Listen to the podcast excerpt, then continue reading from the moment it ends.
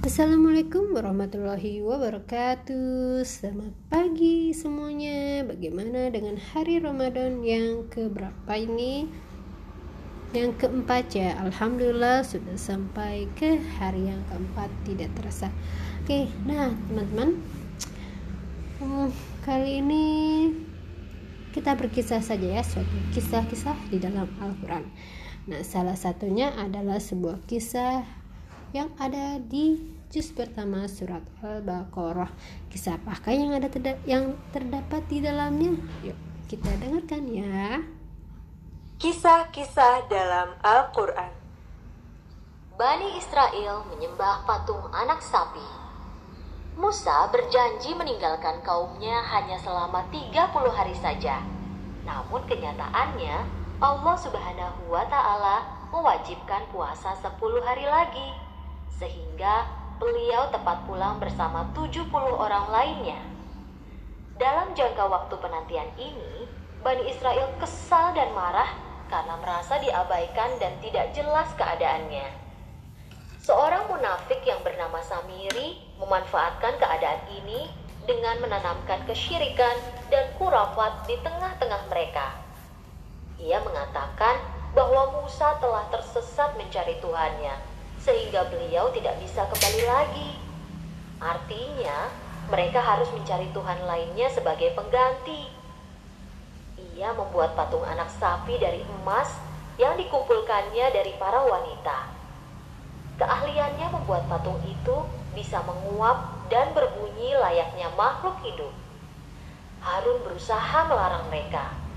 Hai kaumku, sesungguhnya kamu hanya diberi cobaan dengan anak lembu itu dan sesungguhnya Tuhanmu ialah Tuhan yang maha pemurah.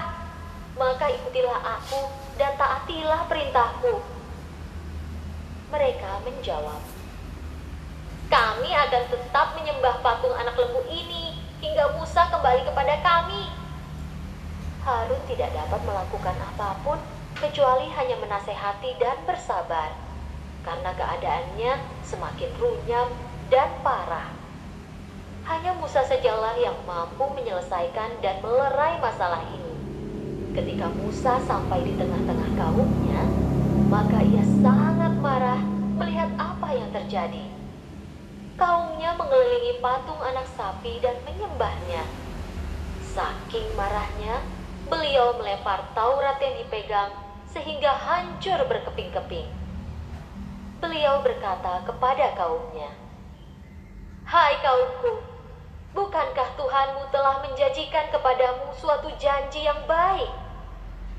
Maka, apakah terasa lama masa yang berlalu itu bagimu? Atau kamu menghendaki agar kemurkaan dari Tuhanmu menimpamu dan kamu melanggar perjanjianmu dengan aku?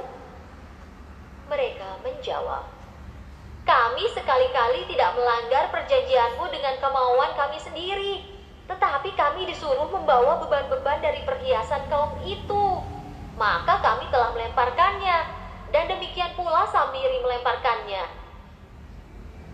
Beliau menarik jenggot Harun dan berkata, Hai Harun, apa yang menghalangi kamu ketika kamu melihat mereka telah sesat, sehingga kamu tidak mengikuti aku?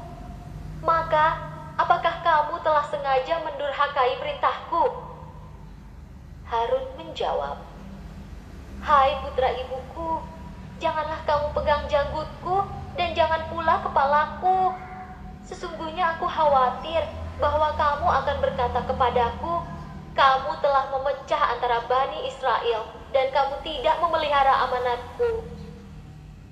Kemudian beliau berkata kepada Samiri, Apakah yang mendorongmu berbuat demikian, hai Samiri? Samiri menjawab, Aku mengetahui sesuatu yang mereka tidak mengetahuinya. Maka aku ambil segenggam dari jejak rasul, lalu aku melemparkannya. Dan demikianlah nafsuku membujukku.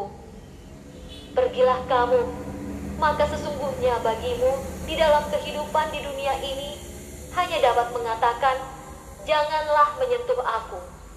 Dan sesungguhnya bagimu hukuman di akhirat yang kamu sekali-kali tidak dapat menghindarinya. Dan lihatlah, Tuhanmu itu yang kamu tetap menyembahnya. Sesungguhnya kami akan membakarnya. Kemudian kami sungguh-sungguh akan menghamburkannya ke dalam laut berupa abu yang berserakan. Sesungguhnya Tuhanmu hanyalah Allah yang tidak ada Tuhan selain Dia. Pengetahuannya meliputi segala sesuatu. Anda bisa membaca kisah ini dalam surat Toha ayat 85 sampai 98, surat Al-A'raf ayat 149, 151, 154 dan 155 serta surat Al-Baqarah ayat 53, 54, 63 dan 64. Bani Israel terkatung-katung tanpa jelas arahnya. Telah banyak nikmat yang diberikan Allah Subhanahu wa Ta'ala kepada Bani Israel, mulai diselamatkan dari perbudakan dan penindakan Firaun dan kaumnya, diberikan makanan dan minuman dari langit, diberikan air minum dan dinaungi awan selama perjalanan.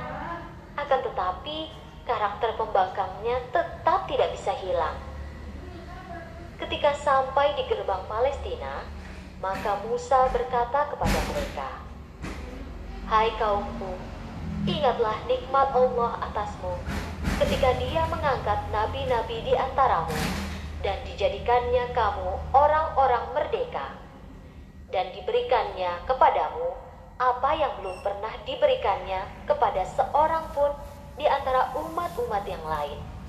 Hai kaumku, masuklah ke tanah suci Palestina yang telah ditentukan Allah bagimu.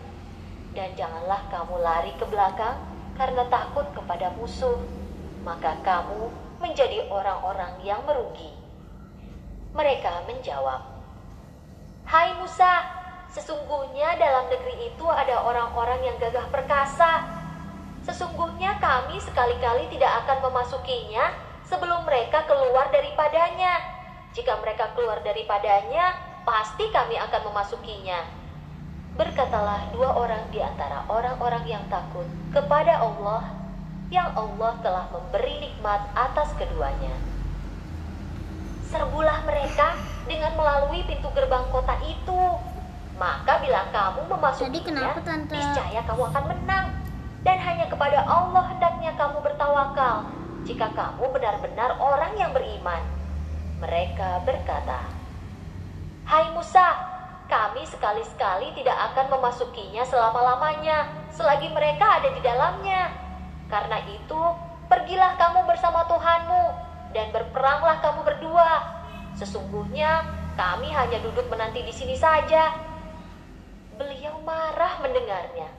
Mereka terlalu pemalas dan berpangku tangan saja serta tidak mau bekerja untuk mendapatkan hasil yang diinginkan.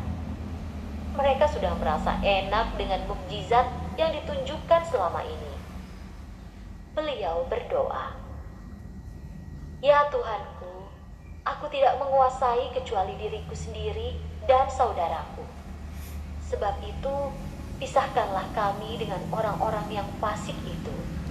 Allah berfirman, "Jika demikian, maka sesungguhnya negeri itu diharamkan atas mereka selama 40 tahun. Selama itu, mereka akan berputar-putar kebingungan di bumi padang tih itu. Maka, janganlah kamu bersedih hati memikirkan nasib orang-orang yang fasik itu.